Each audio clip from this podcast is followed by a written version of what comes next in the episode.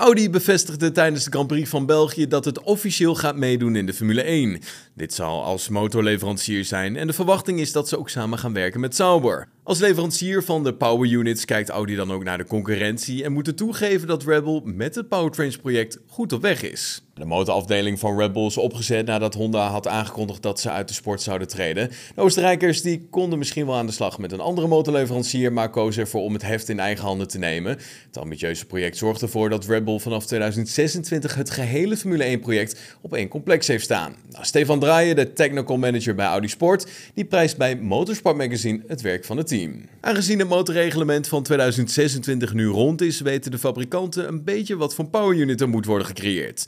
Red Bull heeft flink geshopt bij andere teams om de meest geschikte personeelsleden over te nemen en inmiddels zou er al een motor op de testbank draaien. Je kunt alleen maar speculeren, maar het feit is, je kunt ze alleen maar feliciteren dat er nu al een motor op de dyno draait. Je moet zeggen zoals het is, maar nu is het onze beurt. Ja, het programma is inmiddels gestart van Audi, maar ze zullen op dit moment toch wel op volle toeren moeten gaan draaien om een achterstand goed te maken. We moesten eerst het project aan het bedrijf presenteren en goedkeuring krijgen en daarna konden we pas de uitvoeringsfase in. Zo concludeert hij.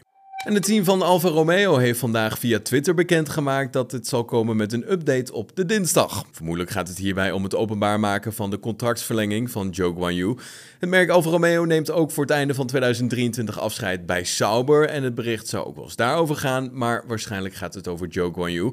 Wat denk jij? Laat het weten in de comments hieronder.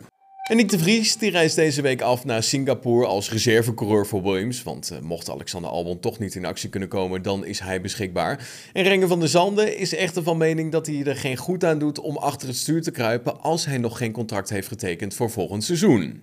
Ja, hij heeft zo'n goed weekend gehad. Hij moet eigenlijk helemaal niet gaan rijden. Nick staat nu zo hoog op die lijstjes van al die teams. Hij wil in gesprek met al die teams. En de teams willen met hem praten. Maar goed, als de Vries achter de schermen wel een contract voor volgend seizoen heeft getekend, ja, dan zit die situatie toch een beetje anders in elkaar. Ja, dan moet hij gewoon in Singapore gaan rijden, want dat zijn extra kilometers. Ja, of hij hem dan in de muur parkeert of niet. Het is heel goed om daar ervaring op te gaan doen.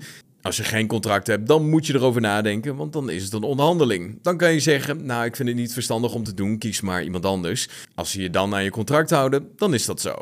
Ja, goed moment om ook met jullie even het tijdenschema alvast door te nemen. In Singapore is het zes uur later dan in Nederland. Dat betekent dat wij gewoon overdag de televisie, mobiel, iPad of whatsoever waar je op kijkt kan aanzetten.